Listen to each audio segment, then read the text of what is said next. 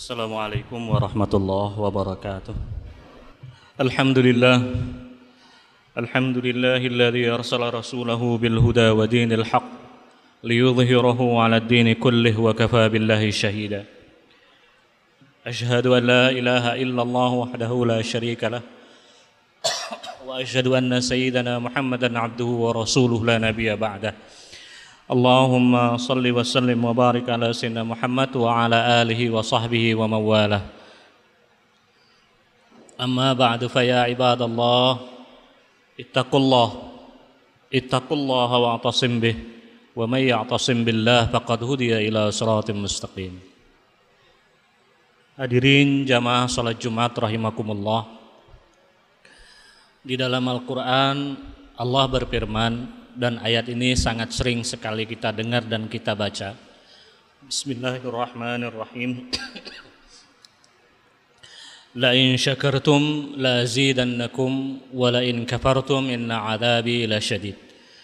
Kata Allah Subhanahu wa taala, kalau kalian mampu, kalau kamu mampu bersyukur, maka akan aku tambahkan nikmat yang aku anugerahkan kepadamu. Tetapi sebaliknya, jika nikmat itu kita ingkari, kita kupuri, maka yakinlah bahwa balasan dari Allah yang akan Allah timpakan kepada kita itu jauh lebih berat. Nah, dalam konteks kita sekarang ini hadirin rahimakumullah, kemampuan bersyukur itu sedang Allah uji kepada kita semua. Dengan pandemi yang sudah berlangsung lebih dari satu tahun dan entah sampai kapan Allah akan mengangkatnya, itu rasa syukur kita dari hari ke hari, dari waktu ke waktu sedang Allah uji. Kalau rasa syukur itu bisa kita tumbuhkan, maka sikap kita terhadap pandemi ini tentu bisa lebih positif. Tetapi kalau rasa syukur itu hilang, maka boleh jadi kita akan menganggap pandemi ini sebagai azab dari Allah Subhanahu wa taala, bahkan kita menafikan keberadaan Allah Subhanahu wa taala. Karena itu perlu kita perhatikan dan perlu kita evaluasi bagaimana kita membangun dan menjaga rasa syukur kita tersebut. Yang pasti pandemi yang kita alami saat ini itu bukan azab dari Allah dengan pertimbangan satu dalil aklinya Allah mengatakan di dalam Al-Qur'an wa ma kana muhlikal qura bidzulmin wa ahluha muslihun kami tidak akan memusnahkan suatu bangsa, suatu masyarakat, suatu komunitas secara zalim, secara semena-mena. Sementara di dalam masyarakat itu masih banyak orang yang berbuat baik. Nah, dalam konteks masyarakat kita, saya yakin tidak sedikit orang yang berbuat baik meskipun yang berbuat tidak baik juga banyak. Dan ini tentu menjadi pertimbangan Allah Subhanahu wa taala tidak akan menurunkan azab kepada kita semua. Yang kedua, Rasulullah dalam sebuah hadis pernah meminta kepada Allah Subhanahu wa taala. Yang pertama, Rasulullah meminta agar kepada umatnya tidak Allah berikan azab sebagaimana ditimpakan kepada umat-umat Nabi sebelumnya.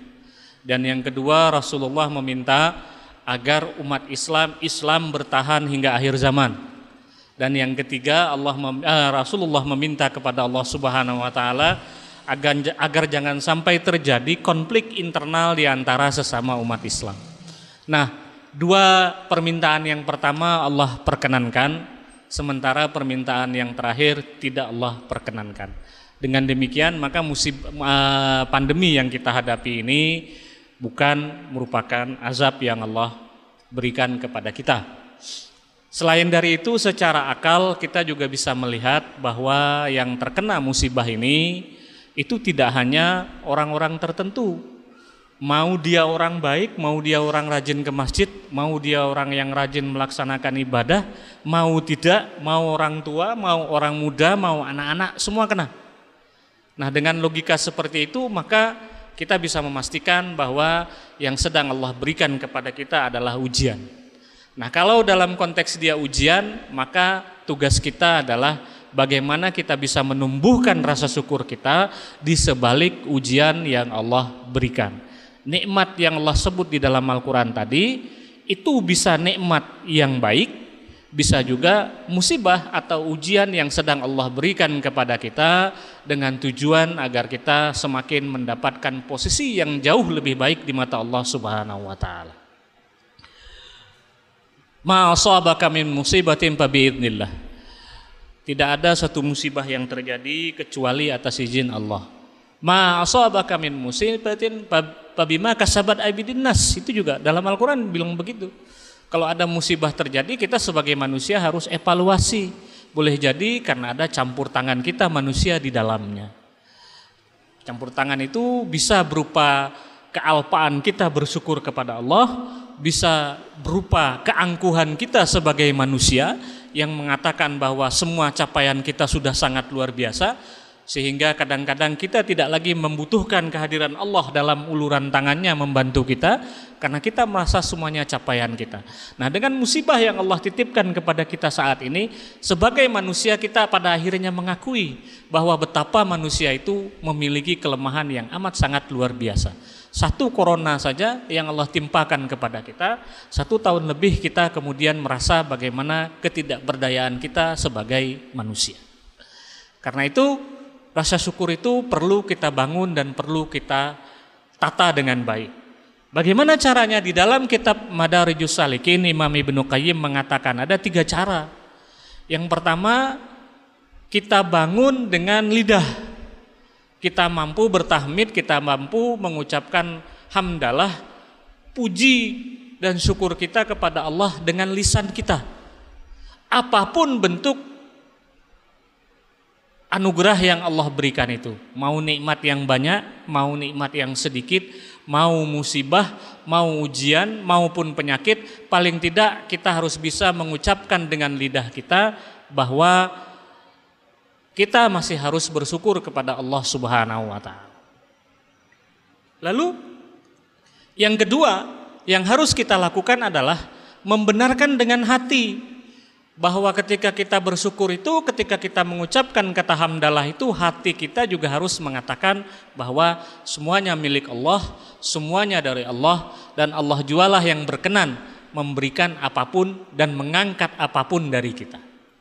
Pembenaran dengan lidah mengucapkan dengan lidah dan pembenaran dengan hati. Dan yang terakhir kata Imam Ibnu Qayyim, setelah dua ini dilakukan, maka pembuktiannya harus kita wujudkan. Pembuktiannya adalah dengan seluruh anggota tubuh kita.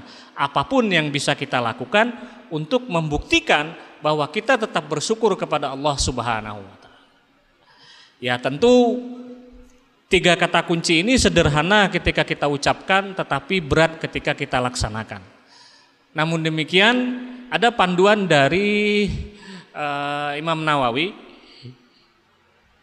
Imam Nawawi mengatakan kalau mau kita mudah menimbulkan rasa syukur di dalam diri kita, berkacalah ke bawah dalam hal duniawi. Dalam hal apa pun yang berkaitan dengan kehidupan kita di dunia Berkacalah ke bawah, maka kita akan bisa bersyukur. Hari ini boleh jadi kita pulang dengan membawa rezeki yang tidak banyak. Tetapi kalau kita bisa berkaca kepada tetangga atau teman-teman terdekat kita, mungkin ada di antara mereka yang sudah dirumahkan cukup lama karena pandemi ini, maka dengan demikian kita masih bisa memunculkan rasa syukur itu. Bahwa walaupun yang saya bawa hari ini sedikit, setidaknya setidaknya ada sesuatu yang saya bawa pulang ke rumah dibandingkan dengan teman saya yang sudah berbulan-bulan dirumahkan oleh kantornya, oleh tempat kerjanya dan lain sebagainya. Kalaupun kita tidak membawa pulang apa pun pada hari ini ke rumah, tetap kita harus bisa bersyukur kalau kita berkaca ke bawah lagi. Kenapa? Karena kita masih bisa mengatakan alhamdulillah hari ini Allah memberikan kesehatan kepada saya dibandingkan tetangga saya yang sedang karantina karena sakit atau sedang diopname di rumah sakit dan lain sebagainya. Maka terus demikian adanya. Dengan kemampuan kita berkaca ke bawah itu rasa syukur itu bisa muncul dan kemudian komitmen untuk membuktikan rasa syukur itu juga bisa muncul. Lalu kita bisa dengan mudah berbagi membagikan apa yang kita miliki. Tidak banyak. yang kita bawa dan tentu dengan yang tidak banyak itu kita juga bisa berbagi kepada orang-orang lain yang ada di sekitar kita yang jauh tidak lebih beruntung dari kita pada hari ini. Nah itu sederhana kata Imam Ibnu Qayyim mengucapkan dengan lidah walaupun sekedar tahmid alhamdulillah lalu kemudian membenarkan yang kita ucapkan itu dengan hati kita masing-masing dan kemudian kita lanjutkan dengan membuktikannya dengan segala anggota tubuh kita, semua anggota tubuh kita, apa pun bentuk pembuktian itu bisa kita lakukan. Bagian dari rasa kita bersyukur adalah kita wujudkan dalam pengabdian kita kepada Allah. Kita beribadah, kita luangkan waktu kita untuk beribadah, kita berbagi dengan apa yang kita miliki, itu bagian dari rasa syukur kita. La in syakartum kata ayat tadi la azidannakum akan kami tambahkan. Kata Gusti Allah. Tetapi kalau tidak ingat bahwa suatu saat apa yang Allah titipkan kepada kita itu bisa Allah balik kondisinya menjadi musibah dan ujian yang sangat berat buat kita. Dalam sebuah hadis kursi Allah berfirman Rasulullah bersabda, "Man lam yashkur 'ala na'ma'i wa lam yasbir 'ala bala'i falyakhrut min tahtis sama'i wal yatlub rabban siwaya." Orang kata Rasulullah yang tidak mampu bersyukur atas nikmat yang Allah berikan kepadanya dan tidak mampu bersabar atas musibah yang Allah timpakan kepadanya, silahkan angkat kaki dari kolong langitku. Wal yatlub rabban siwaya. Silahkan cari Tuhan yang lain. Pertanyaannya, kalau kita diusir dari kolong langit mau ke kolong mana? Semuanya milik Allah. Semuanya punya Allah. Jadi dengan kata lain ketika rasa syukur itu tidak bisa kita bangun, maka Allah usir kita dari bumi ini. Allah tidak suka dengan hambanya yang tidak mau berterima kasih, tidak bersyukur atas apa pun yang Allah berikan kepadanya. Walaupun kita dalam kondisi yang menderita, dalam kondisi yang terpuruk, dalam kondisi yang sedang sakit, tetap rasa syukur itu harus bisa kita tumbuhkan dengan kata kunci tadi mengukurlah kepada orang lain yang di bawah kita dalam konteks duniawi dan mengukurlah ke atas kata Imam Nawawi dalam konteks ibadah dalam konteks ukhrawi. Ya, mengukuri ke atas itu maksudnya kalau kita baru bisa melaksanakan sholat lima waktu, kita lihat teman kita yang sholat lima waktu plus sholat-sholat sunat maka kita terpacu untuk bisa seperti dia. Kalau saudara kita, teman kita itu lebih dari sekedar lima waktu plus sunat sunat dan ibadah-ibadah sunnah lainnya dia lakukan, nah kita mengukur ke situ. Mudah-mudahan kita bisa seperti dia atau menjadi jauh lebih baik. Itu kalau dalam hal uh, ukhrawi, tapi kalau dalam hal duniawi melihatlah ke bawah. Atau kalau bahasa Jawanya prinsip yang sering kita dengar itu kan kalau ada orang yang mengalami musibah itu sering muncul kata-kata untung. Nah untung itu refleksi dari bagaimana kita berkaca kepada ke bawah. Dapat kecelakaan, motornya serempetan. Untung tidak luka, untung tidak apa-apa. Nah untung itu itu menunjukkan bahwa kita harus bisa menumbuhkan bahwa rasa syukur itu kita ukur. Meskipun saat ini kita sedang mengalami musibah Allah titipkan masalah kepada kita musibah dan ujian kepada kita. Tapi kemampuan kita bersyukur itu harusnya dapat menumbuhkan kesabaran kita dan kesiapan kita menyiapkan diri menghadapi dan melewati apa pun bentuk yang uh, anugerah yang Allah berikan kepada kita baik atau buruk namun persoalannya perlu kita pahami baik-baik, kita ini manusia dan karakter kita dalam Al-Qur'an itu digambarkan innal insan khuliqa. Manusia itu diciptakan penuh dengan keluh kesah. Idza masyarul syarru jazua. Kalau dia sedang dalam kondisi negatif, ditimpa dengan banyak musibah, masalah dan kemalangan, dia berkeluh kesah kepada Gusti Allah. Tetapi wa idza masyarul khairu manua. Tapi sebaliknya saat dia kondisinya positif, semuanya sedang bagus semua, ekonominya naik, kondisi keuangan mapan, semuanya tertata dengan baik, dia jadinya menua, pelit, lupa dengan Gusti Allah. Saat dia sedang berhadapan dengan musibah dekat sekali dengan Allah dia meminta dalam banyak hal, dia rajin beribadah, tapi ketika dia Allah bukakan kerannya sedikit saja, musibahnya pelan-pelan hilang, musibahnya diangkat oleh Allah dan lalu kemudian Allah limpahkan dengan berbagai nikmat. Nah, manusia tenggelam dalam nikmat itu dan melupakan Allah Subhanahu. Itu karakter kita manusia. Jadi juga tidak heran ketika ketika kita berhadapan dengan masalah yang sedang kita hadapi, kita tenggelam di dalamnya, kita melupakan Allah, bahkan boleh jadi uh, marah dengan Gusti Allah karena kondisi yang sedang kita alami. Itu manusiawi. Tetapi yang terbaik tentu tadi sebagaimana yang dikatakan oleh Imam Ibnu Qayyim adalah kemampuan kita membangun rasa syukur, bersabar dan ikhlas dalam hal apa pun yang Allah titipkan kepada kita semua. Mau dia musibah maupun dia nikmat berupa apa pun yang Allah berikan dan titipkan kepada kita. Semoga dengan rasa syukur yang bisa kita bangun itu Allah berkenan mengangkat berbagai berbagai musibah yang sedang kita alami termasuk pandemi yang sedang kita jalani saat ini. Mudah-mudahan dengan rasa syukur yang kita semua bisa lantunkan itu Allah kemudian berkenan mengangkatnya dan menghilangkannya dari kita semua. Amin. Allahumma amin. Barakallahu li wa lakum fil Qur'anil azim ونفعني وإياكم بما فيه من الآيات والذكر الحكيم. وتقبل مني ومنكم تلاوته. إنه هو السميع العليم. وكل غبر بر وارحم وأنت خير الراحمين.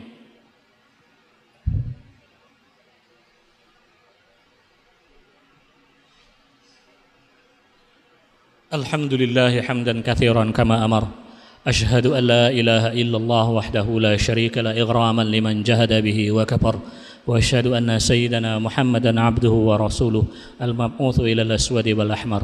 اللهم صل وسلم وبارك على سيدنا محمد صاحب وجه الأنور وعلى آله وأصحابه ومن تبعهم بإحسان إلى يوم المخشر أما بعد فيا عباد الله اتقوا الله اتقوا الله فيما أمر.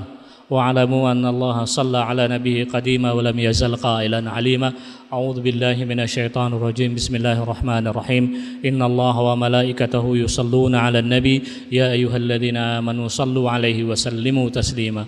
اللهم صل وسلم وبارك على سيدنا محمد وعلى آله وصحبه أجمعين. بسم الله الرحمن الرحيم. الحمد لله رب العالمين. والصلاة والسلام على أشرف الأنبياء والمرسلين وعلى آله وصحبه أجمعين. اللهم آمنا في أوطاننا وأصلح أئمتنا وولاة أمورنا ووفق قادة المسلمين إلى تحكيم شرعك واتباع سنة نبيك محمد صلى الله عليه وسلم. اللهم اجعلنا من الشاكرين على نعمائك وكما أنعمت علينا فزد وكما زدت فبارك يا الله. اللهم اغفر للمسلمين والمسلمات. والمؤمنين والمؤمنات الأحياء منهم والأموات. إنك سميع قريب مجيب الدعوات. ويا قاضي الحاجات. ربنا ظلمنا أنفسنا وإن لم تغفر لنا وترحمنا لنكونن من الخاسرين. ربنا آتنا في الدنيا حسنة وفي الآخرة حسنة وقنا عذاب النار. والحمد لله رب العالمين. ولذكر الله أكبر. والله يعلم ما تصنعون.